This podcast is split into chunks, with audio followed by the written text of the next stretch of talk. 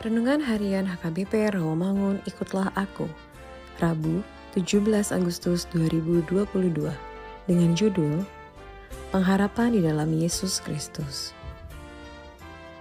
Bacaan kita pagi ini tertulis dalam Matius 10 ayat 16 sampai 23. Bacaan kita malam ini tertulis dalam 1 Yohanes 4 ayat 7 sampai 16. Dan kebenaran firman Tuhan yang menjadi ayat renungan kita hari ini tertulis dalam 1 Petrus 1 ayat 3 yang berbunyi Terpujilah Allah dan Bapa Tuhan kita Yesus Kristus yang karena rahmatnya yang besar telah melahirkan kita kembali oleh kebangkitan Yesus Kristus dari antara orang mati kepada suatu hidup yang penuh pengharapan. Demikian firman Tuhan.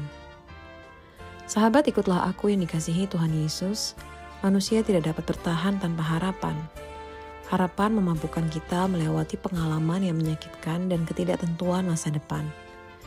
Di dunia menyimpang ini, ketika manusia harus menghadapi kemiskinan, sakit penyakit, kelaparan, ketidakadilan, bencana, peperangan, dan serangan teror, kita membutuhkan hidup yang penuh pengharapan.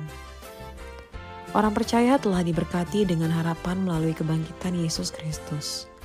Oleh kuasa firman Allah dan pendiaman Roh Kudus, Harapan yang hidup ini mengubah pikiran dan jiwa kita. Pikiran, ucapan, dan tindakan kita diubahkan. Meski pada suatu waktu kita berada dalam keadaan mati secara rohani dalam dosa kita, kita sekarang hidup dengan harapan kebangkitan pribadi kita. Demikian pula halnya dengan kebangkitan Yesus.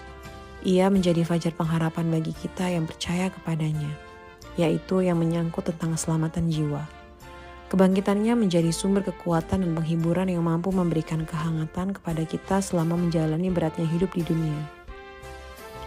Kehangatan yang juga membuka peluang untuk mengecap keindahan kasih Tuhan yang mengandung janji, ditaburkan dalam kehinaan, dibangkitkan dalam kemuliaan.